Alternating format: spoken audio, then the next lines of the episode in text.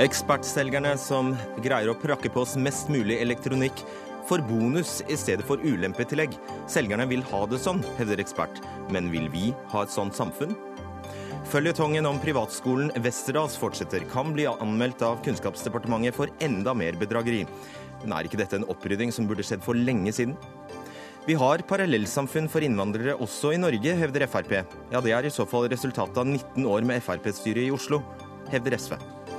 Ikke våg å tale på vegne av meg og kirken, sier prest Steinar Gelius til Sturla Stålsett.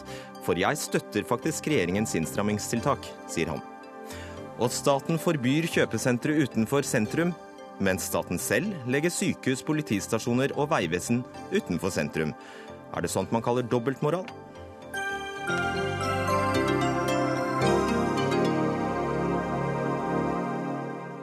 Da var en ny utgave av Dagsnytt 18 i gang. Mitt navn er Fredrik Solvang.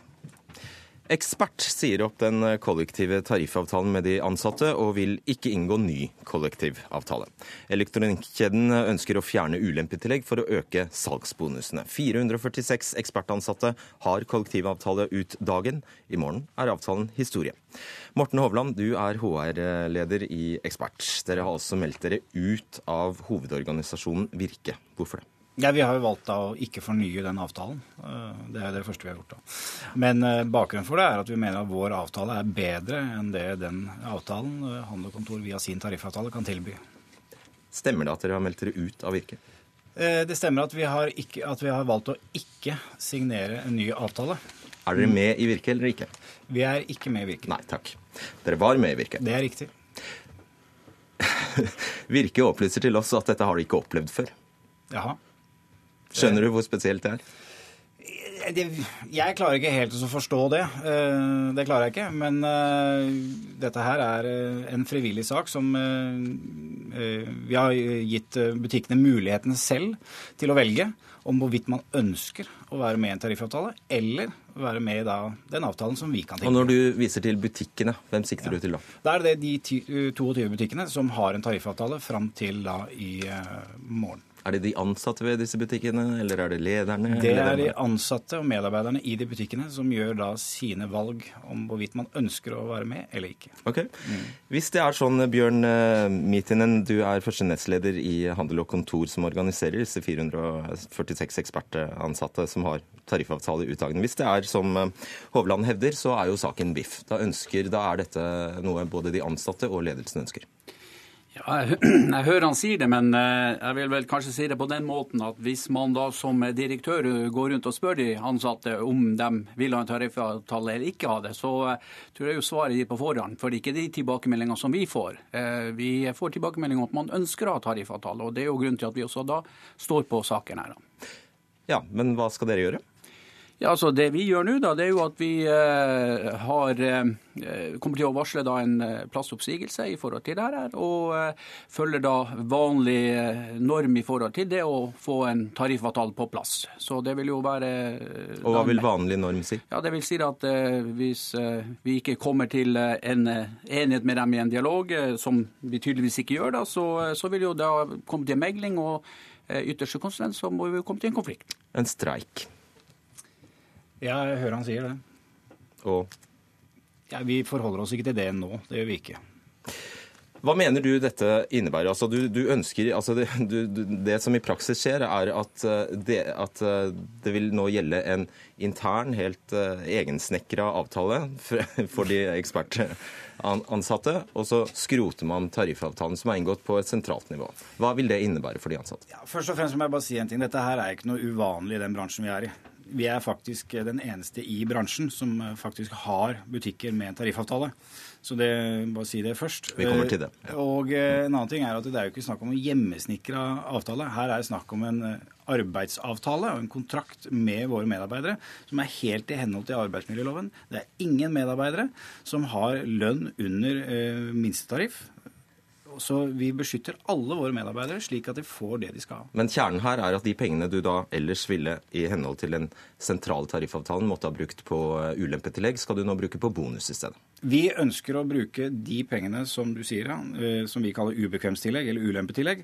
Det ønsker vi også å bruke tilbake igjen til våre medarbeidere i form av bonuser. Og vi ønsker å bruke mye, mye mer når vi når de målene vi har satt. Hva er problemet med det egentlig, midt i den? Problemet er, det er jo det at eh, når man har en tariffavtale, så regulerer den jo da lønns- og arbeidsvilkår. Eh, da har man også et eh, gulv i den avtalen som sier hva man skal ha av minimum av lønn. Ja, men Han sier jo nå at de skal holde seg innenfor eh, Ja, det hører han også si det, da. Men eh, jeg tror jo det at eh, det som er når man har en tariffavtale, så vil du ha da sentrale forhandlinger hvert år. Så vil du kunne få noe tillegg. Spørsmålet vil jo være om noen år hva ekspert har da som sitt gulv i denne her. Og så vil jo det at, være sånn at man har da en, en kollektiv avtale som gjør jo at man står samla og kan få bedre ordninger i forhold til Men kan det virkelig stemme det Hovland hevder her, at de er faktisk blant de veldig få som faktisk har hatt en tariffavtale i denne bransjen? Nei, altså jeg så senest i dag at uh, en av deres konkurrenter sa at man hadde tariffavtaler i sine butikker. Hva er organisasjonsgraden i denne bransjen, egentlig? Ja, altså I selve bransjen så det vil ligge vel eh, Jeg vil tippe det ligger som ellers i bransjen, rundt en 20% 20% på Ja. Det er jo sånn, Men det er jo en stor bransje, så det Og hvorfor er den ikke høyere? Ja, det er vanskelig å si det. Det er mange, kanskje mange grunner til det. Mange unge, mye turnover. ja. Mm. Er det det du utnytter?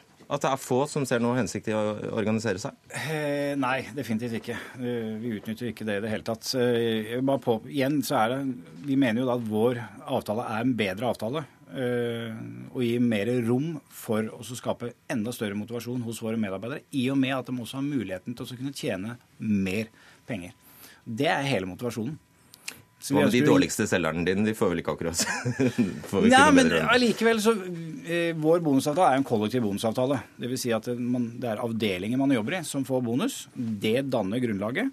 Og så er det jo en fordeling da mellom de medarbeiderne i den avdelingen i forhold til deres prestasjoner. Eh, midt i den, altså det, Du har altså streikevåpenet, men det er omtrent alt du har? Ja, eller så kan man jo også da satse på at eh, man har forbrukere og forbrukermakt også, som eh, man kan dra inn i det her. Altså det, det, vil jo være en mulighet at eh, de som er potensielle kunder hos eksperter, ser at man kanskje skal gå noen andre steder og handle for hvis, hvis man behandler sine ansatte på denne måten. Altså, ja, For du har gått så langt som faktisk å kalle dette fagforeningsknusing? Ja, jeg har sagt at det tenderer mot fagforeningsknusing. Det er altså når en bedrift så aktivt går ut og eh, prøver å få bort en tariffavtale som er i bedriften, eh, så, eh, så vil jeg absolutt mene det. Nei, det er jo ikke det i det hele tatt. Jeg må bare repetere meg sjøl. Det handler ikke om det. Det handler om å skape gode, godt motiverte medarbeidere gjennom å gi dem de beste avtalene vi mener. Det er det det er. Og vi vil alltid opprettholde normen i forhold til det som er lønnsnivået. Vi skal man bare stole på deg? Ja, eh, Jeg, jeg syns jo det at man skal stole på sin arbeidsgiver. Og eh, vi sitter jo her og sier akkurat det samme, så det er jo sikkert mange som hører det jeg sier. Ja, jeg skjønner jo det, men nå, nå, det som nå skjer, er at, uh, at, de ansatte må gå individuelt til sin sjef og forhandle lønn. Det er det som skjer. Nei, det er ikke helt riktig det heller. Og dette her er jo noe som skjer hver vår. så kommer jo da et lønnsoppgjør, og vi vil alltid følge den landsoverenskomsten i forhold til de minstelønningene. Og igjen så må man bare stole på at du gjør det. Selvfølgelig så må man stole på det, men for å si det sånn, vi må være rettskafne i et sånt system. Ja, han virker jo som en troverdig kar. Ja, Han høres ut som en troverdig kar, men jeg tror nok når vi kommer til hellinga på det her, så, eh, så, vil nok eh, man oppleve at situasjonen at det ikke er så enkelt som han sier. altså. Fordi at du kan jo da komme der at eh, det den enkelte som, som du sier, må gå inn til sin sjef og så forhandle sin lønn og gjerne også diskutere sin bonus. og Dermed så blir det den enkelte ansatte som må stå opp for seg sjøl, og ikke da fellesskapet. Kristine Nergård, du er forsker ved Fafo. Hvor særegent er det elektronikkjeden, altså Norges nest største elektronikkjede, har begått her? Det er ganske spesielt.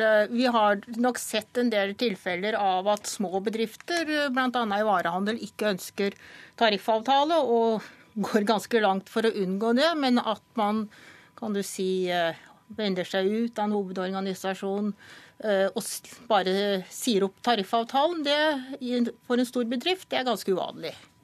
Og hvis flere, eller mange, store bedrifter hadde gjort som ekspert, hvor hadde vi vært da? Da hadde vi nok sett at det ble mer krevende å opprettholde altså de norske partsforholdene, som er, da er basert på sentrale bransjevise tariffavtaler, samarbeid mellom hovedorganisasjonene på arbeidstaker- og arbeidsgiversida. Det vi med tonører kaller den norske modellen? Ja, frontfagsmodellen eh, bygger jo også på det. sånn at det er litt sånn det nordiske partssamarbeidet, som jo er basert på at man ikke bare har avtaler på den enkelte bedrift, men også i, på bransjenivå. Men så må jeg jo si at eh, jo, denne konflikten blottlegger jo også kanskje fagforeningenes impotens, da, for de har jo ikke noe annet middel enn i ytterste konsekvens en streik. Nei, men Det er jo det som er fagforeningenes uh, siste virkemiddel. altså en streik. Med 20 fag fagorganiserte? Ja, det er, er, jo krevende. Men det er klart du har også muligheten for sympatiaksjoner. Uh, det kan være ganske ubehagelig ikke sant, når uh, du får mye oppmerksomhet eh, hvis du får eh, plakater utenfor eh, butikkene dine, du tar ut fanene sine, du får transportarbeiderne med på laget osv. Slik at fagbevegelsen har jo kan du si, en kollektiv makt som går utover det enkelte forbund. og som da gjerne bruker det nettopp i sånne situasjoner hvor man krangler om å få oppretta tariffavtale. Mm. Og Det er der vi er nå. Så det er helt lovlig å melde seg ut av Virke og gjøre sånn som ekspert her har gjort. Og det er helt lovlig å gjøre som Mietinen snakker om. altså da kan man eh, gå til streik for å kreve tariffavtale, og man har også virkemidler knytta til sympatiaksjoner. Men så vet vi at dette er unge mennesker. Ofte er det studenter som jobber i eh, butikkene. Eh, og bare 20% av dem har altså valgt å, å organisere seg som om lag i varehandelen. Hvor, eh, altså, hvilken rolle spiller det at så få er organiserte, med tanke på virkningen av en streik f.eks.? Eh, det er klart det er en utfordring, for du vil kunne holde butikkene åpne selv om, går, eh, selv om det er en streik. Og det er klart det er den utfordringa som eh, ja, fagforeningene i varehandel, hotell og restaurant, den type bransjer har. at selv om det er streik, så er det mange butikker som er oppe, og det er mange restauranter som holder åpent. Til slutt, kan du si noe fint om det ekspert har gjort her? Om jeg skal si noe fint? Ja, altså jeg, sånn, altså jeg tenker at dette her er jo litt sånn spørsmål. Hva syns man er en ålreit uh, uh, kan du si, forhandlingsmodell? Altså, det er klart det kan godt hende at disse bonusene blir eh, gode. Du har eh, antagelig mange unge, flinke selgere som kommer til å gjøre det godt. Men så har man da litt den der utfordringen at du har ikke lenger tillitsvalgte på arbeidsplassen. Man har ikke lenger eh, kan du si, et system for medbestemmelse som jo er bundet i hovedavtalene, som kan du si gjelder da mellom LO og Virke. Okay. Kan hende vi møtes igjen her. Takk skal dere ha. Bjørn Mitinen, Morten Hovland og Kristine Nergård.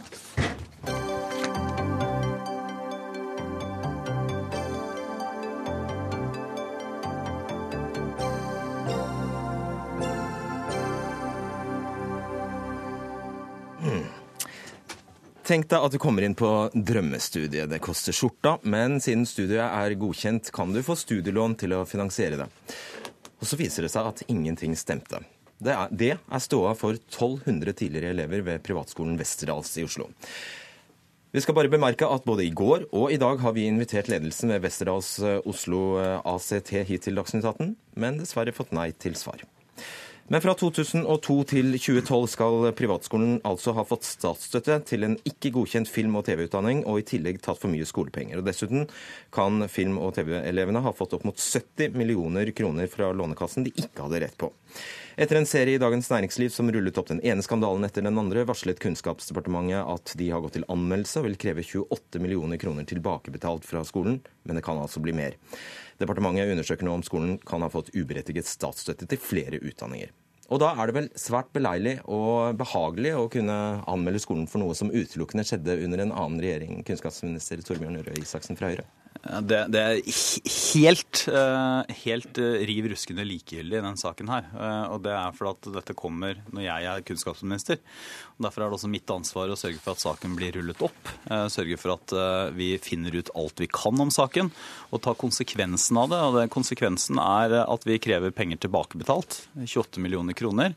At vi også har det er en så alvorlig sak at vi har bestemt oss for å sende den til Økokrim. Det er tre ting vi sender da, bl.a. at skolen har tatt for mye skolepenger. Og så har vi også sagt klart og tydelig fram, om at studentene har jo ikke skylda her. Eh, så det blir helt meningsløst at vi skulle, hvis vi skulle ha krevd pengene tilbake til studentene. Og så må jo skolen selvfølgelig ta ansvar for at studenter over lengre tid har betalt for mye skolepenger. Mm. Jette Krensensen, du sitter i kontrollkomiteen for eh, Arbeiderpartiet.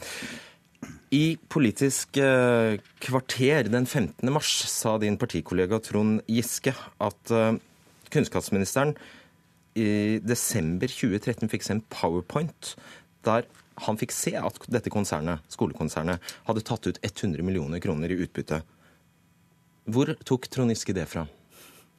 Det må du spørre Kjenner du noe til det? Dette her er noe som eh, Dagens Næringsliv har eh, illustrert eh, gjennom sin artikkelserie. Det som er vår bekymring, er at dette kunne vært oppdaga mye tidligere. Fordi Riksrevisjonen ga, ringte i den store varsellampa i 2012. Da sa Riksrevisjonen at disse skolene her trengs en særskilt oppfølging.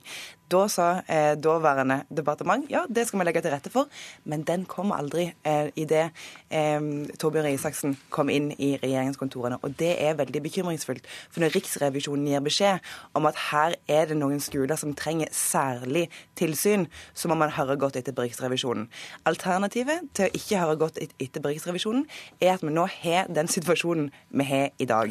Eh, og den rettsoppfatningen som du viser til, er jo eh, en sak der eh, Westerdal Charles eh, gir, gir, beskjed om at de fikk inntrykk av at dette her var helt innenfor. De mm. sier til DN at vi fikk, vi fikk et inntrykk av fra departementet om at dette her var helt grei praksis. Og hvordan det inntrykket har blitt plassert, det er et sentralt spørsmål. Ta dette med det særskilt oppfølging først, eh, statsråd. Ja, hvis jeg, hvis jeg bare kan si én ting før det, for det er, det, er, litt viktig. Det er ikke sikkert alle følger med på alle detaljer her. så Det er jo forskjellige saker det er snakk om her. Det er ingen som noen gang har påstått, verken skolen eller andre, andre at Westerdals på noe som helst tidspunkt har fått beskjed fra departementet om at det er greit å få statsstøtte for en linje som ikke er godkjent for. Og Det er det de nå får krav om tilbakebetaling for, og det er det vi også har politianmeldt. og Det er fra 02 til 2012. Mm. Det var en grei opplæring. Og så er det en transaksjon i, i, 2013. Eh, og det er helt riktig at i en korrespondanse da mellom avdelingen som har ansvaret for dette, og Riksrevisjonen, så ble det skrevet at man skulle ha en særskilt oppfølging av egen egenkapitalen til disse skolene. Og så ble det senere informert Stortinget, nei, Riksrevisjonen om at det ville blitt gjort, bli gjort gjennom de vanlige rutinene. Ja, og Hva skjedde med at, den oppfølgingen? Nei, altså Det betyr jo da at den oppfølgingen kom senere. Har den kommet i det hele tatt? Ja, altså den oppfølgingen har jo kommet gjennom at når uh, selskapet da leverer inn sine årsregnskap, så stiller jo departementet spørsmål ved forskjellige transaksjoner. Ja, Men det ble jo ikke oppdaget? Jo, men altså dette, nei, altså dette, dette kom jo først da fordi uh, DN-saken ja, DN-saken... Eh, kom jo da før departementet hadde gått gjennom transaksjonene. Og det må heller ikke være noe tvil om at denne saken Det er jo tre år mellom altså, det og DNs oppslag? Nei, nei, det er ikke riktig. Det er ikke riktig, for du sender jo inn, du sender inn rapportene på økonomi i etterkant. Så de fulle rapportene på eh, transaksjonene som er snakk om, eh, de kom til departementet først i fjor. Og det er jo delvis grunnen til denne oppfølgingen. Men det er to ting også som er viktig å si. Det kan, det kan ikke være noe tvil om at Dagens Næringsliv og de avsløringene de har hatt, har vært utrolig viktig i denne saken. Og det kan heller ikke være noe i tvil om at når man ser at her er det saker som både har skjedd mens jeg har vært statsråd, og helt tilbake fra 2002 til 2012, så viser jo det at det offentlige tilsynsapparatet over lengre tid ikke har fungert godt nok. Derfor la jo vi til rette for å imøtegå Riksrevisjonen når de sa at her trengs det en særskilt oppfølging. Og hva er en særskilt oppfølging? Det er noe helt annet i hvert fall enn å bare legge det inn under det ordinære eh, tilsynet, sånn som eh, Torbjørn Røe Isaksen her nå sier. For han sier så mange forskjellige ting. 15.11 sa han at eh, vi vil understreke at departementet ikke på noe tidspunkt har stansa oppfølgingen av skolen.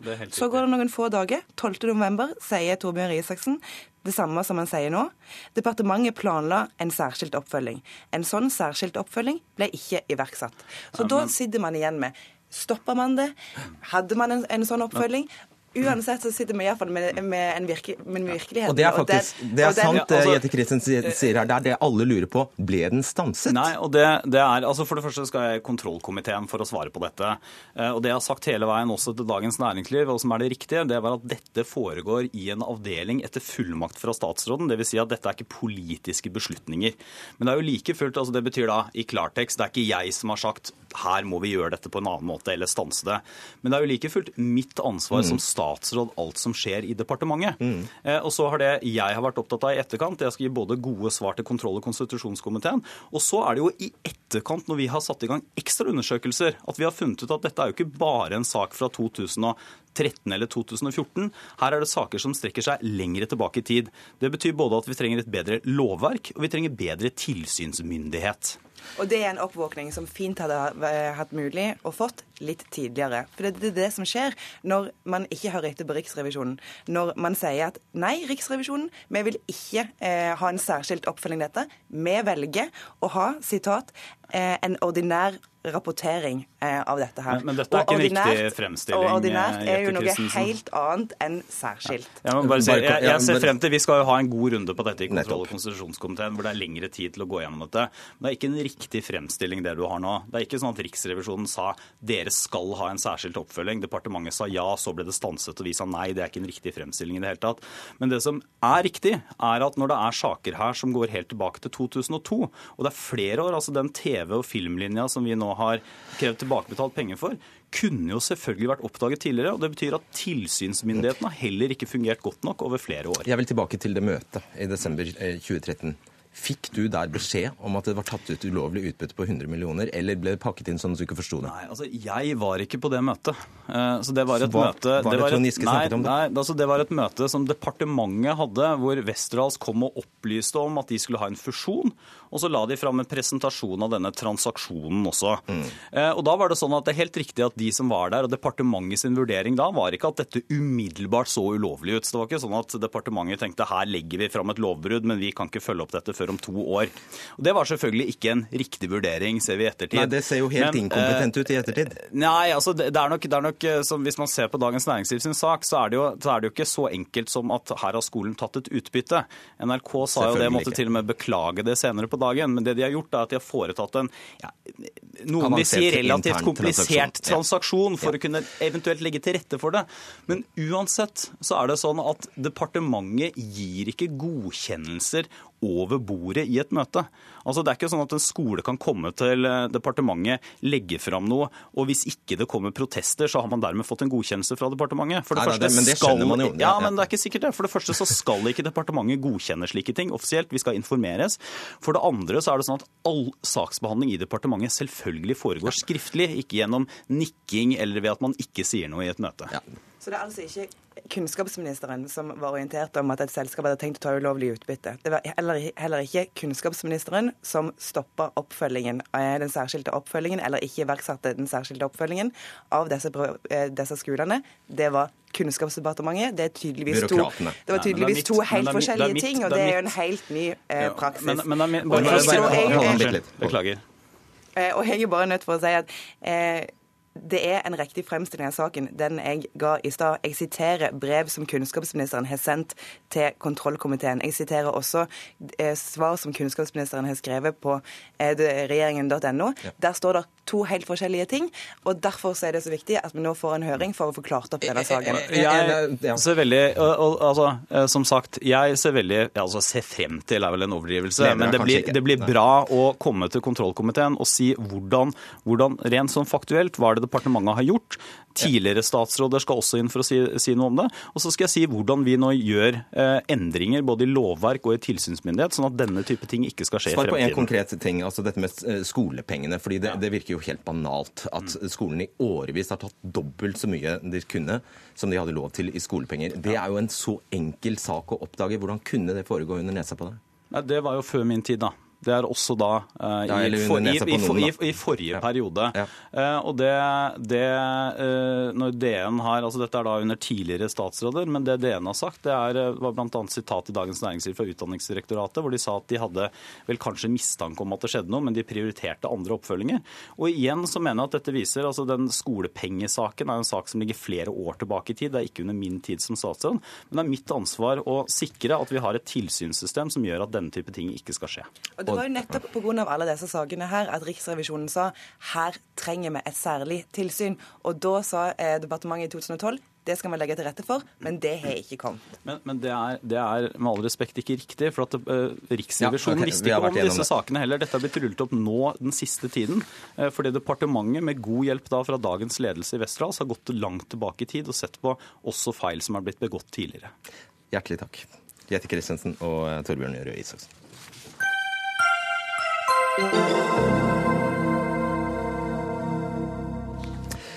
Ja, etter terrorangrepene i Belgia har det jo vært mye snakk om gettoer og parallellsamfunn.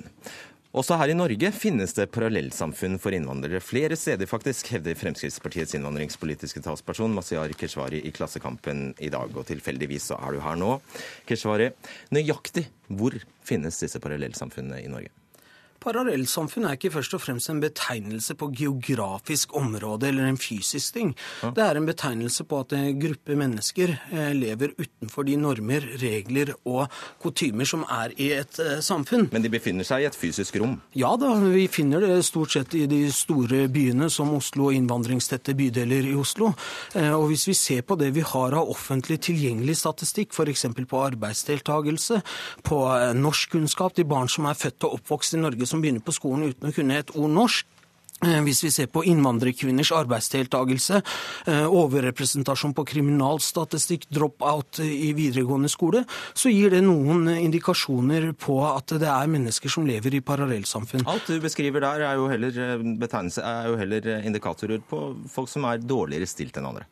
Eh, Nei, ikke, nød- nødvendigvis. ikke nødvendigvis, fordi at vi ser jo at dette gjenspeiler seg også på hva slags eh, regler man velger å følge. La meg ta et eksempel. Det er ikke så lenge siden der eh, fylkesmannen i Oslo og Akershus var nødt til å agere overfor en moské som dreiv med skilsmisser etter sharialovgivning på kant med loven. Det har ikke noe med at du er godt stilt eller eh, dårlig stilt. Det har noe med at du velger å ikke forholde deg til de lover og regler og praksis som er i landet. Og Dette kommer også eh, til uttrykk eh, når vi ser i løpet av de to siste dagene når eh, imam i en av Norges største moskeer er og hyller en terrorist, så har ikke det noe med at han er godt eller dårlig stilt. Det sier noe om verdier vedkommende er for. Det var to helt konkrete eksempler, Heikki Holmås, stortingsrepresentant for SV, på hva et parallellsamfunn kan utgjøre.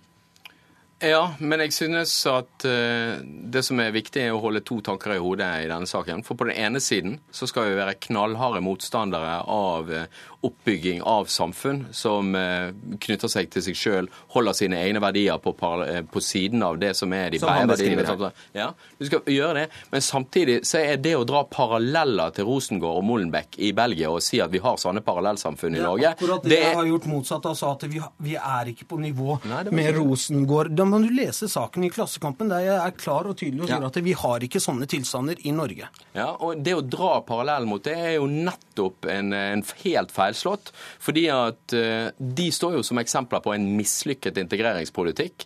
Eh, det vi trenger, er jo å diskutere den integreringspolitikken som funker, for å sørge for at folk faktisk lykkes med integrering i et land som Norge. under teppet. Nei, det sa jeg ikke. Jeg sa det motsatte. Vi skal være knallharde på verdiene, på hvordan det er vi skal bekjempe det. Men vi må diskutere for- den integreringspolitikken som funker.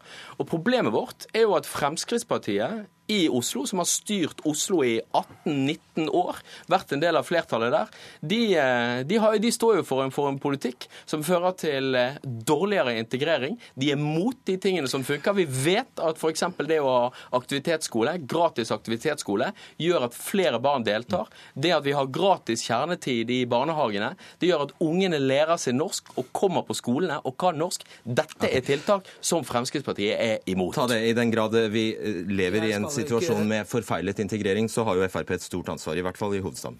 I hovedstaden så er det slik at Fremskrittspartiet har vært med på å eh, drive mange eh, forsøksprosjekter, og vi har brukt enorme ressurser på integrering.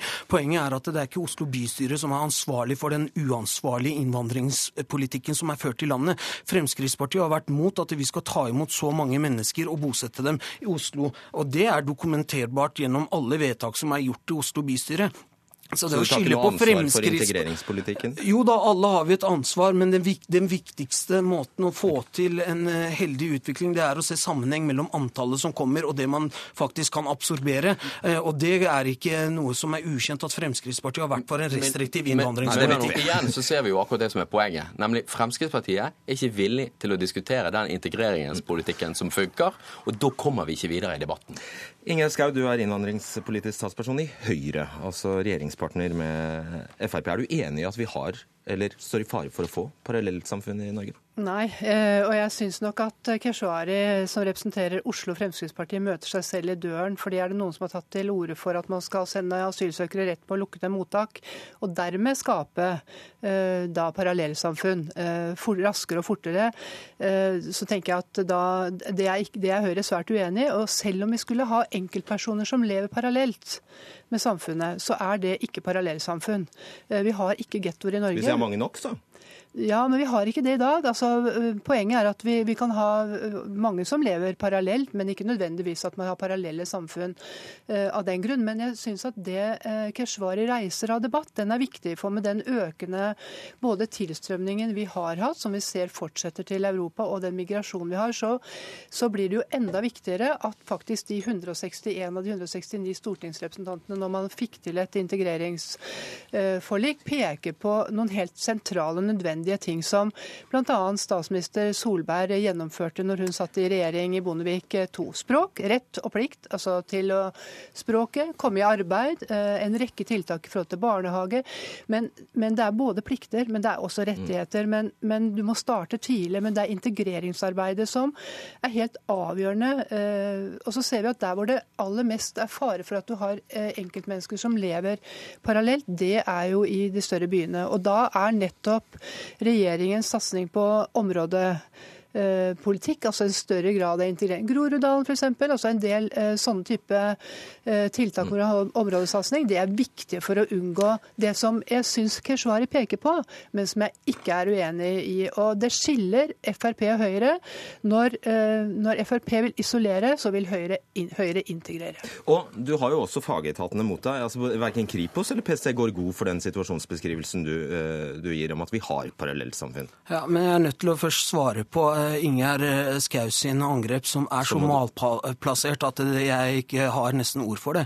At det er Oslo Fremskrittspartiets skyld at det har vokst opp parallellsamfunn pga. et resolusjonsforslag på et årsmøte som ikke engang ble vedtatt engang. Hvilken verden er det du befinner deg i da, Schou? Våkne opp og se hva som foregår rundt deg i europeiske landene. Våkne opp og se hva som foregår i landets hovedstad at dette skyldes en resolusjon som ikke engang ble realitetsbehandlet på et årsmøte i 2016, eh, ja, da vet jeg egentlig ikke hva du gjør i denne debatten hvis du mener at det er årsaken til fremveksten av parallellsamfunn. Jeg mener det er nesten... at vi ikke har parallellsamfunn, jeg, da. Så det er ja, hele utgangspunktet. Ja, men det er, det er noen at... beskyldninger man kommer Jeg har men hørt det før også. At, jeg oppfatter at du representerer Oslo Frp, og det er der denne type tanke faktisk kommer. Mot, og jeg tok til orde mot at man skulle ha mottak på alle sammen. Så hold deg til debatten i det minste, da. ja, og det er det jeg gjør. Eh, jeg skjønner at du blir svært engasjert eh, på at du eh, nødvendigvis ikke får enighet på at man har parallellsamfunn. Vi har folk som lever parallelt. Men viktigheten ja. for å unngå det er faktisk integrering. Okay. Og så, Keshvari, altså, som, som, jeg sa, både PST og Kripos eh, sier vi har ikke parallellsamfunn i Norge. Ja, Jeg er uenig i det. Når, når, kan, hvordan kan du være uenig i det? Fordi at jeg ser på realitetene. Hvis du ser på arbeidsdeltakelsen til innvandrerkvinner, spesielt ikke-vestlige innvandrerkvinner, hvordan forklarer man da at det så mange av de er utenfor eh, arbeid. Det har noe med kultur å gjøre. Når man ser på praksis og skikker med eh, bl.a. dette som går på sharialovgivning, enten det er ekteskap eller skilsmisser, så kan man ikke si at det er en parallell til samfunnet. For det er jo ikke slik i Norge at skilsmisser og ekteskap foregår gjennom eh, sharialovgivning i dette landet. Så, så, så, det er jo mange ting som peker på at det er mennesker i Norge. Og ikke minst fremveksten ja, av eh, radikale miljøer og organisasjoner, som i aller høyeste grad viser at det er parallellsamfunn også i eh, så landet vårt. For, du, du, du, vet bedre enn PC og Kripos? Vi er av en annen oppfatning enn det de er på dette, og har masse dokumentasjon som viser at det er mennesker som lever på utsiden av det som er normene i Norge. Men Det interessante er jo egentlig hva har du tenkt å gjøre for å unngå at vi får en fremvekst av parallellsamfunn i Norge. Jo, det skal jeg fortelle Nei, vent da, fordi at det, eh, ja, Du har ett svar, og det er å begrense innvandringen. Og Det er altså sånn at det er ikke sånn at uh, bare fordi du ønsker å stille mennesker i, i, kø for å komme inn til Norge, så kan folk som flykter fra krig, faktisk stille seg i den køen okay. og vente til krigen går over. Men, hvis, men, uansett så kommer vi til å ta imot mange mennesker i årene som kommer til Norge. Så hva har du tenkt å gjøre? Og Da er mitt svar følgende.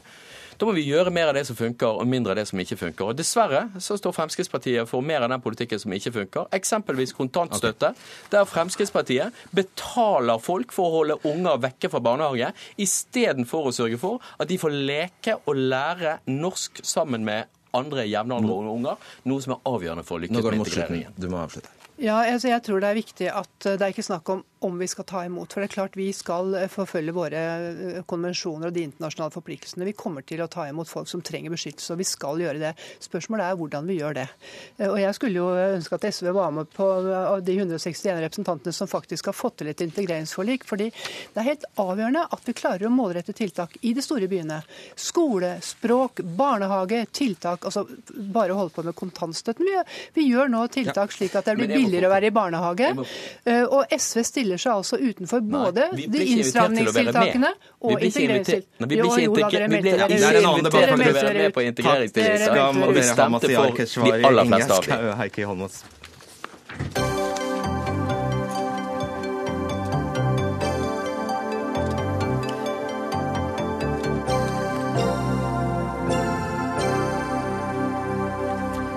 Har du hørt om serveringsloven? På Lovdata kan vi lese at lovens formål er å sikre forsvarlig drift av serveringssteder av hensyn til næringen, gjestene og samfunnet for øvrig. Og dette er en lov Næringsdepartementet nå vil fjerne, skriver Dagsavisen. Næringsminister Monica Mæland fra Høyre, vil du ikke ha forsvarlig drevne serveringssteder? Jo, det vil jeg absolutt. Og det er jo slik at serveringsbransjen er underlagt veldig mange ulike lover og regler. Vi har eh, matlov, vi har eh, arbeidsmiljølov, vi har alkohollov. Eh, vi har regler knyttet til skatter og avgifter, vi har regler knyttet til strafferett, selvsagt. Så dette er en bransje som er underlagt veldig mange ulike lovverk, ulike tilsyn. Det virker uoversiktlig for veldig mange. Og så er jo dette en stor bransje som sysselsetter mange i hele landet. Eh, denne bransjen er viktig for oss alle sammen. Eh, og når vi da har en lov som ikke virker etter sin hensikt, så er det et viktig forenklingstiltak å foreslå å fjerne loven. Hva er den innebærer da i praksis? Får utestedet eller serveringsstedet et stempel? Må de stå i en byråkratisk kø? Hva er det som skjer? Ja, De må eh, foreta en prøve, de må ha en bevilgning. Dette er en skal-lov, så du har rett på bevilgning hvis du består prøven. Men den virker altså ikke etter sin hensikt, og da kan vi spare næringslivet eh, og de seriøse aktørene for eh, byråkrati, for unødvendige oppgaver. Og så kan de bruke tiden sin på å servere heller enn å rapportere til På samme måte som vi har folk som bryter fartsgrensene, så fjerner vi bare loven om fartsgrenser? Nei, eh, hvis vi trodde at denne loven virket slik at den hindret useriøse aktører, så hadde vi selvfølgelig ikke foreslått å fjerne den. Men det tror vi ikke, og vi har ikke noe dokumentasjon på at den faktisk virker. Klass Delp, forbundssekretær i Fellesforbundet. Dere sier at regjeringen med dette åpner døren på vidt gap for kriminelle og useriøse aktører i restaurantbransjen. Forklar det. Ja, altså, denne loven den er jo etableringsterskelen for å komme inn i serveringsnæringa. Den etableringsterskelen den består i det at du må ha en prøve som Mæland Energi, som sier at du må ha grunnleggende kunnskap om økonomistyring, du må ha litt grunnleggende kunnskap om relevante lover og regler som gjelder for den næringa som du skal drive i, og du skal ha litt kunnskap om det å være næringsdrivende og de forpliktelsene du har overfor det offentlige. Mm. Så peker jo departementet sjøl på i sitt høringsnotat det at loven har ikke virka godt nok. Nei, og Det er jo fordi at man har for mange aktører innenfor denne næringa som bl.a. vi skulle ønske ikke var der. Det vil, jo, det vil, jo, si at loven har ikke fungert godt nok. Hvem snakker du om nå? Snakker du om eh, tilsynsmyndigheter, eller snakker du om aktører i, altså kommersielle aktører? Aktører i næringa. Ja. Altså, man har en del aktører i næringa som man helst ikke skulle hatt der. fordi at de driver... Ja, men Du kan jo ikke bare ønske deg dem bort? Altså man kan jo ønske seg det at den useriøse delen av næringa skulle bli mindre, sånn at det blir lettere for de seriøse å drive på en seriøs møte sånn som de ønsker. Gjennom å åpne for at flere kan etablere seg, det skal ikke være noen terskel for å komme inn. Det vil jo si at da åpner man jo for at man ønsker deg utvikling hvor enhver amatør eh, skal kunne få lov til å åpne restaurant. Dette er jo ikke riktig. Du må ha eh, innsyn i veldig mange lover og regler for å drive lovlig innenfor serveringsvirksomhet, selv om denne loven forsvinner. Og hele Poenget er jo at de de forhold som denne loven var ment å skulle regulere, de reguleres av andre lover og regler. Så hvis du skal drive lovlydig servering, så må du ha greie på alkoholloven, Er den helt og totalt overflødig? Vi har i hvert fall ingen eh, kunnskap om at den virker etter sin hensikt. Og da er jeg opptatt av at vi ikke driver symbolpolitikk, men realpolitikk. Og hvis vi kan spare næringslivet og seriøse aktører for unødige rapporteringer, unødige utgifter, så mener jeg det er riktig. Men, men du er fortsatt undergitt en rekke lover og regler. Det skal ingen være redd for. Og Det er jo sånn, eh, det er jo sånn del på at eh, om lag halvparten av serveringsstedene i Oslo og Lillehammer ikke hadde bevilling da selskapet Damvad undersøkte dette for et par år siden? Nei, og jeg er helt enig. altså Damvad har jo påpekt en del svakheter ved serveringsloven. Ja, Men da fungerer jo ikke loven? Jo, men altså det som vi ønsker å beholde, er jo det at det skal være en terskel inn. Så det er helt riktig det at næringa er omfatta av mange lover. Vi sitter sammen med flere på arbeidstakersida og arbeidsgiversida i et bransjeprogram som er nedsatt av Arbeidsdepartementet, som der har foreslått det at man skal se på de ulike lovene som regulerer næringa. Bl.a. serveringsloven, alkoholloven og den delen av matloven som serveringsbransjen er omfatta.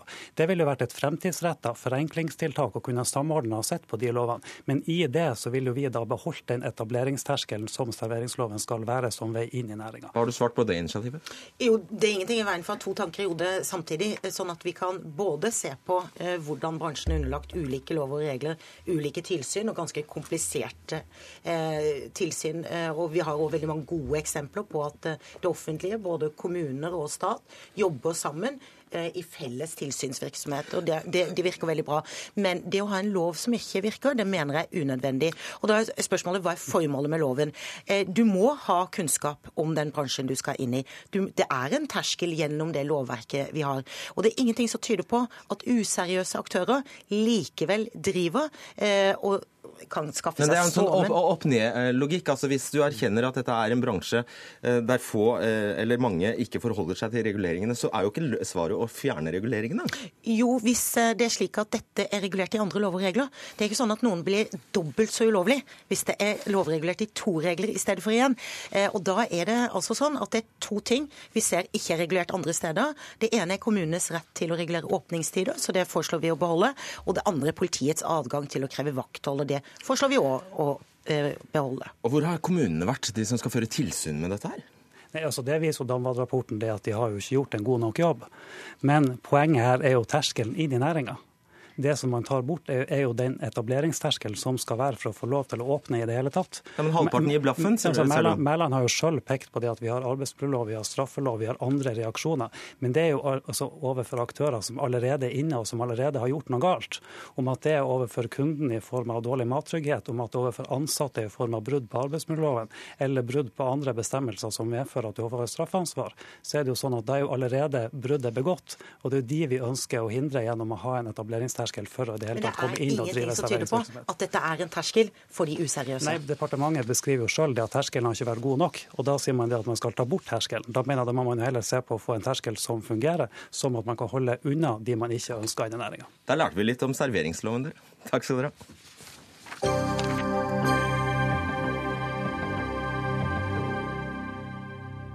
Etter påskeuken har det blusset opp politisk strid innad i kirken om regjeringens innstrammingstiltak i asyl- og flyktningpolitikken.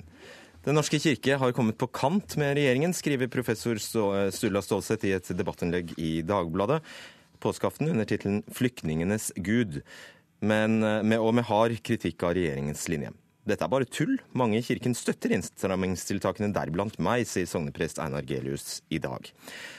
Og vi henvender oss først til deg, Gelius. Du er sogneprest i Lom, er med oss på telefon. Du advarer i et svar i Dagbladet til Stålsett i dag både Kirken generelt og Stålsett spesielt om ikke å bli en del av det politiske spillet i flyktningepolitikken. Hva er det i regjeringens linje du støtter opp om, egentlig? Altså Det som jo er utgangspunktet, det er at Kirken alltid har hatt et sterkt politisk engasjement. Og skal selvfølgelig også ha et sterkt politisk engasjement inne i samfunnet. Men det blir veldig vanskelig, og jeg tror det er veldig uklokt når enkelte kirkeledere nå begynner å blande seg inn i det partipolitiske spillet. Og Det er det jeg reagerer på, at i asyl- og flyktningpolitikken så har enkelte biskoper og andre kirkeledere blandet seg inn i et veldig detaljert og komplisert partipolitisk spill. Og det er det jeg reagerer på. Gi eksempler på det. Ja, Det at man f.eks. nå blander seg inn i disse innstramningstiltakene som regjeringen har fremlagt. Det er klart at dette med familiegjenforeningsspørsmål det er ganske komplisert. Jeg har ingen kompetanse til å uttale meg om det. Og det tror jeg heller ingen biskoper har, egentlig. Sånn at vi kan si noe om det sosialetiske i, i samfunnet vårt, og det skal vi gjøre. Vi skal si noe om at, eh, at Kirken er for de fattige og for de som er på flukt. Men når det gjelder det rent konkrete greiene, så mener jeg der må vi være mer varsomme. Ok. Sturla Solseth, professor ved Det teologiske menighetsfakultet eh, i Oslo.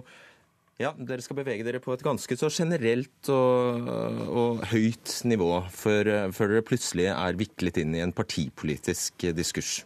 Her blander jo Einar Gelius kortene fullstendig. Altså, eh, Vi har en regjering som i tråd med helt vanlig politisk skikk sender ut eh, forslag på høring. Dette er viktige spørsmål for hele det norske samfunn, og viktig for ikke minst de flyktningene som kommer, hvordan vi håndterer denne situasjonen. Og da spør regjeringen bl.a. Kirken ja, Men Kirken er jo ikke ett. Og biskopene. Jo, men nei, nettopp. Nei, men Hvorfor skriver du da at Kirken er på kant med regjeringen? Jo, Det er en ren beskrivelse av situasjonen. når Det er masse høringsuttalelser fra biskopene, fra Kirkerådet, fra konservative kirkelige miljøer. Og alle er ganske entydige i sin kritikk av innstrammingstiltakene. Ja, jeg... Da er det en ren beskrivelse. Og så er det jo selvfølgelig slik at skal man svare på det kompetente nivået man spør, spørres etter, så må man ta stilling til de kompliserte spørsmålene som ligger der. Einar Gelius sier at han støtter alle innstramningstiltakene, men sier nå at han ikke har kompetanse til å vurdere dem. Det syns jeg er verre. Ja, Svar på det, Gelius. Det, det høres jo faktisk veldig rart ut. Ja. Det jeg sier, det er at jeg kan jo ikke gå inn i alle detaljspørsmål, og det kan heller ikke Kirken. Jeg kan gå inn der som privatperson, så kan jeg mene om dette. Men jeg kan jo ikke på vegne av Kirken, slik Sturla Stålsett gjør, og slik biskopene gjør. Det er jo derfor vi nå har fått veldig mange reaksjoner på kirkas grasrot. At folk føler seg fremmedgjort i forhold til dette. Jeg uttaler meg ikke på vegne av kirka. Det er veldig oppsiktsvekkende at man her i en, i en sånn type sak har gått så kraftig ut mot regjeringen og en bestemt statsråd. Jeg syns dette er veldig uheldig og uklokt. Og jeg, for, for, forhold, forholdet er jo motsatt. Det er jo statsråden som før eh, høringsuttalelsen er mottatt og, og behandlet av departementet, rykker ut i et brev mot biskopene og mot kirkeledere, og i flere intervjuer kaller dette partipolitisk. Nå er det jo ikke partipolitisk engang, fordi eh, store deler av det partipolitiske Norge mm. står jo samlet bak dette. og Dermed så er jo Kirkens røst desto viktigere. Det er jo et poeng, Elius. Altså, det er jo faktisk et bredt politisk forlik på Stortinget om dette. Ja, men altså, Det er jo utrolig viktig at Kirken skal ha noen overordnede sosialetiske meninger om disse spørsmålene. Det er ikke jeg imot i det hele tatt. Jeg mener jo absolutt at Kirken skal ha, et, ha et, eh, en virkelig viktig røst i denne debatten. Men det blir veldig komplisert når da Sture Stålsett sier sant, at Kirken og kristne verdier, vi skal ta flyktningenes side. Ja, Det mener jeg er ganske tydelig i alle de uttalelsene som ligger på bordet. Jo, selvfølgelig. Og det er de hensynene som må vektlegges. Ja, det, hva, betyr hva betyr det konkret? Ja. Mm. Dette er jo veldig avgjørende. Mener Stålsett at vi skal ta imot 100 000? Skal vi ta ut 50 000? Hvor mange flyktninger mener du skal vi ta imot? Svar på det. Det er ikke et spørsmål. Spørsmålet er hva vi skal gjøre med de Nei, ikke, vi kan ikke begynne i den enden. Vi kan ikke jo. begynne å si hvor mange, hvor er taket. Vi må følge de internasjonale konvensjoner som vi allerede er forpliktet på. Er det noe tak? Og, og det er å møte de menneskene som kommer. Er det noe tak? Det er selvfølgelig slik at vi ikke kan ta imot hele verdens Så det er et tak? nødlidende. Ja, men Ja, vi kan ikke begynne med å definere Og høringsdokumentene spør jo heller ikke etter hvilket tak. Det er noe helt annet det spørres etter. Men det er jo det, der, den politiske debatten går, da, Ståseth. Ja. Hvor går dette taket? Selvfølgelig, men det betyr jo ikke at at nettopp det spørsmålet må vi avvise. Vi må stille spørsmål hvordan tar vi imot de som kommer. Og jeg personlig mener jo at innretningen på innstrammingstiltakene som har fått overskriften at det, som har til hensikt å gjøre det mindre attraktivt å søke om asyl, den overskriften er feil stilt. Da gjør man eh, liksom konsekvensen av innstrammingen til hovedpoenget. Poenget må være nettopp å ta flyktningenes parti. Som min datter sa før jeg gikk hit, det er jo veldig enkelt. Man kunne jo bare tenke seg hvordan man, hvis man var flyktning selv, hvordan ville man bli mottatt? Jo, men dette er jo ganske interessant når da Stålsett i sin kronikk begynner å, begynner å konspirere at nå skal kanskje regjeringen straffe Kirken med overføring, økonomiske overføringer. Altså, det er en økonomisk side dette. Og da er spørsmålet til Stålsett ja, men hva er Kirkens bidrag her, da? Da må jo vi faktisk i en slik økonomisk situasjon være med å bidra ved mottak av flyktninger. Nå har jo du, Gelius, gått Jo, langt inn i partipolitikken selv. Jo, men hør, jo, men det er jo Stålsett som er inne på, dette, inne på dette feltet. Og da må jo han også svare på dette mer konkret. Kirken bidrar allerede og vil fortsette å bidra lokalt, det vet Einar Gelius godt, eh, nasjonalt, diakonalt gjennom organisasjoner, institusjoner som arbeider for flyktninger, asylsøkere ute og hjemme. Og så er det selvfølgelig økonomiske prioriteringer som må ligge til grunn, og da er det en, i tråd med de beste kristne verdier å prioritere dem som har minst høyest. Det er veldig interessant at, eh, at Sturla Solseth nå omgir seg med det ene honnørordet etter det andre, og han kan altså ikke være konkret. Han kan altså ikke være på konkret på et eneste spørsmål. Han sier det er hans privilegium å ikke være det. Nei, det sier jeg ikke. Jeg sier at vi kan ikke begynne flyktningedebatten når, når, flykt, når det er en den krisa vi har i Syria, kan vi ikke begynne med å spørre hvilket tak, hvilket tall, tenk på et tall, hvor mange kan vi ta imot? Vi må, ta, vi må spørre hvordan tar vi imot de som kommer. Ja, det har vi skjønt. Kan jeg bare stille deg et, et, et siste spørsmål, eh, Stålsett? Ja. Tror du, kan det være sånn at du kan, virkelig kan være gudfryktig kristen og virkelig sette nestekjærlighet foran alt, og samtidig mene at eh, vi skal sette det taket ganske lavt for mottak av flyktninger i Norge? Jeg tror at vi som kristne og som kirke eh, har ulike synspunkter på politiske spørsmål. Og Derfor så er det viktig for meg også å si at kirka, eller hvem det måtte være, ikke kan uttale seg på vegne av Gud. Men vi kan alltid, og vi er kalt til det, og det hører jeg Einar Gelius også si, eh, uttale oss på vegne av eh, de verdier som kommer fra den kristne tro, og så ta stilling til de spørsmålene som, som er var et ja. debattert. Og det er det vi har gjort. ja. Ja, det var et ja. OK, til slutt, eh, Gelius. Nei, altså jeg bare syns det er overraskende at Sturla Stålsett nå gang på gang prøver å liksom monopolisere dette nestekjærlighetsbegrepet. Fordi at nestekjærlighet det er ikke bare hvordan han opplever det, eller hvordan enkelte biskoper opplever det. Det finnes mange måter å vise nestekjærlighet på. Og jeg har ikke sett noen, jeg, i kirken eller i det politiske liv som faktisk ikke vil hjelpe flyktningene. Men hovedspørsmålet er jo hvordan og hvor vi skal hjelpe flyktningene. Og der har en samlet Kirke-Norge hatt en klart kritisk eh, respons til regjeringens innstramningstiltak. Og det har jeg bare beskrevet og sagt at dette er interessant. Og det ville være veldig synd om det førte til at Kirken ble mindre modig i kritikken. Takk skal dere ha, Sturla Stråtseth og Einar Gelius.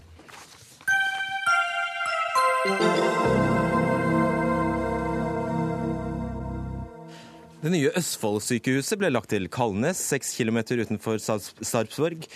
Nytt sykehus for Nordmøre og Romsdal planlegges på Hjelset, 15 km utenfor Molde. Arendal politistasjon flytter snart inn i nye lokaler på Stoa, 4 km utenfor sentrum. Ja, politikerne flytter stadig flere av de store statlige virksomhetene utenfor sentrum. Ut av byene, i strid med egen bypolitikk og i strid med klimaforliket. Det skriver Terje øh, Holsen, førsteamanuensis ved Institutt for landskapsplanlegging ved øh, NMBU, i en ytringkronikk på nrk.no. Og Holsen, du er altså førsteamanuensis. Er Norges miljø- og biovitenskapelige universitet denne forkortelsen står for. Hva er galt med å legge sykehus og politistasjoner og veivesen og andre statlige virksomheter litt utenfor sentrum? Det har jo et samla norsk storting og stamma politisk miljø sagt i klimaforliket at det skal vi ikke gjøre. Vi skal fortette, vi skal bygge der det allerede er infrastruktur. Og det er viktig fordi at vi skal redusere transportforbruket og klimagassutslippene. Og det er viktig fordi at vi skal ha levedyktige og bærekraftige sosiale miljøer i sentrum. Er du sikker på at det er så store tomter tilgjengelig midt i sentrum? Ja. det vet du? Ja. Hva er poenget med å ha et veivesen midt i sentrum? Det er et poeng hvis det at du har 200 ansatte i et lokalt eller regionalt veivesenkontor, som du har på Lillehammer, at de bruker å frekventere sentrum, både i lunsjpauser og når de skal handle rett etter jobben osv. Og, så og det er viktig for at de også er arbeidstakere som trenger å kunne bruke kollektivtransport til jobb. Ja. Frank Jensen C3 kommunal- og forvaltningskomiteen på Stortinget for Høyre. Det er jo noe i det han sier her, at staten kan oppfattes nokså dobbeltmoralsk her.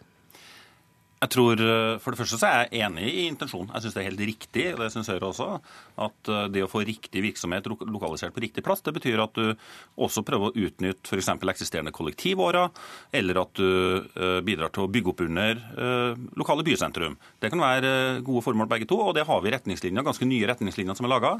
Noen av de sakene som det vises til er gamle. Jeg er ikke sikker på imidlertid om hele beskrivelsen er riktig. At det er sånn at man i at stadig flere virksomheter lokaliseres feil. Jeg, jeg, tror noen plasseres feil. Og Jeg tror det er behov for skjerpings, både hos en del statsetater, men også hos en del kommuner, som jo gir tillatelsene. Mm. For det er jo ikke stortingspolitikerne som bestemmer hvor ting skal ligge. Det er det jo gjerne kommunepolitikerne ofte som, som beslutter, og som aksepterer en søknad. Ja, Hvis staten hadde hatt en mening om hvor sykehuset til staten skulle ligge, så hadde det vel blitt sånn? Ja, og det er riktig. Og så vet ikke jeg bestandig hvilke uh, uh, vurderinger som er, som er, lagt til grunn. På, på Nordmøre f.eks. så har det jo vært en lang politisk fight om hvor det sykehuset skulle ligge. Uh, og du kunne godt plassert det ikke mellom de to byene, men midt inni denne byen. Men da, da skulle jo fortsatt alle pasientene fra den andre byen ha reist til den byen der sykehuset lå.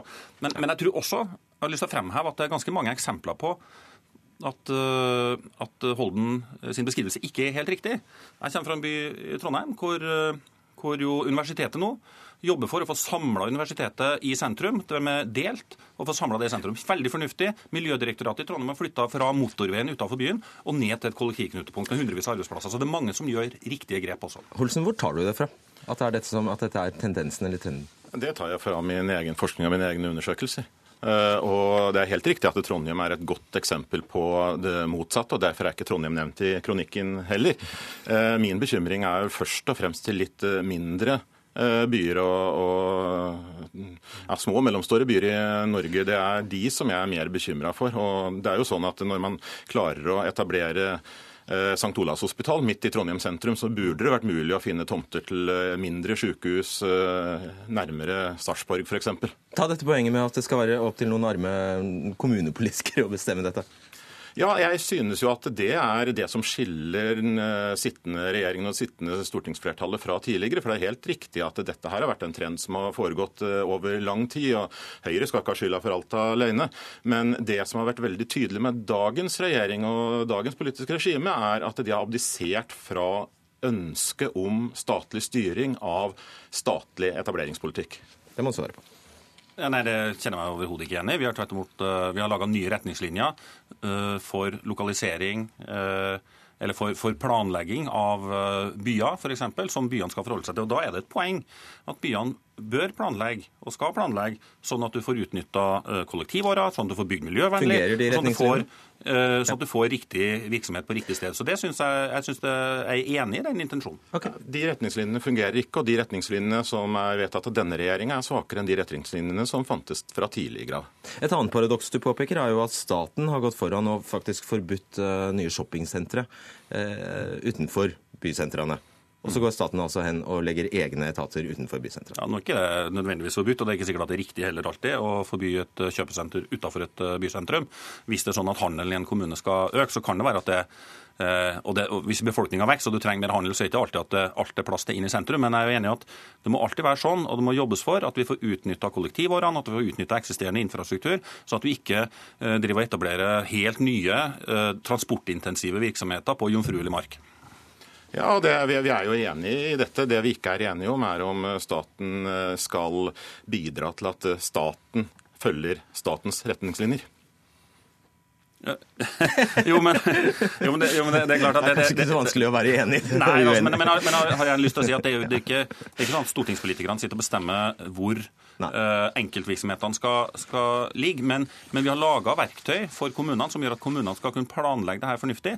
Og da er det faktisk sånn at uh, enten du er et hotell, eller du er en, et kjøpesenter, eller du er politistasjon eller sykehus, så skal du være underlagt de samme retningslinjene. Men det er altså kommunene til slutt som også uh, fatter vedtak. Og hvis kommunen fatter vedtak som er helt i styr, så ja. kan Fylkesmannen legge inn innsigelse. Nettopp. Vi må sette strekk der. Tusen takk skal dere ha, Terje Holsen og Frank Jensen, for denne Dagsnytt 18-sendingen er faktisk over. Det var Dag Dørum som var vaktsjef, teknisk ansvarlig var Finn Lie, og i studio Fredrik Solvang.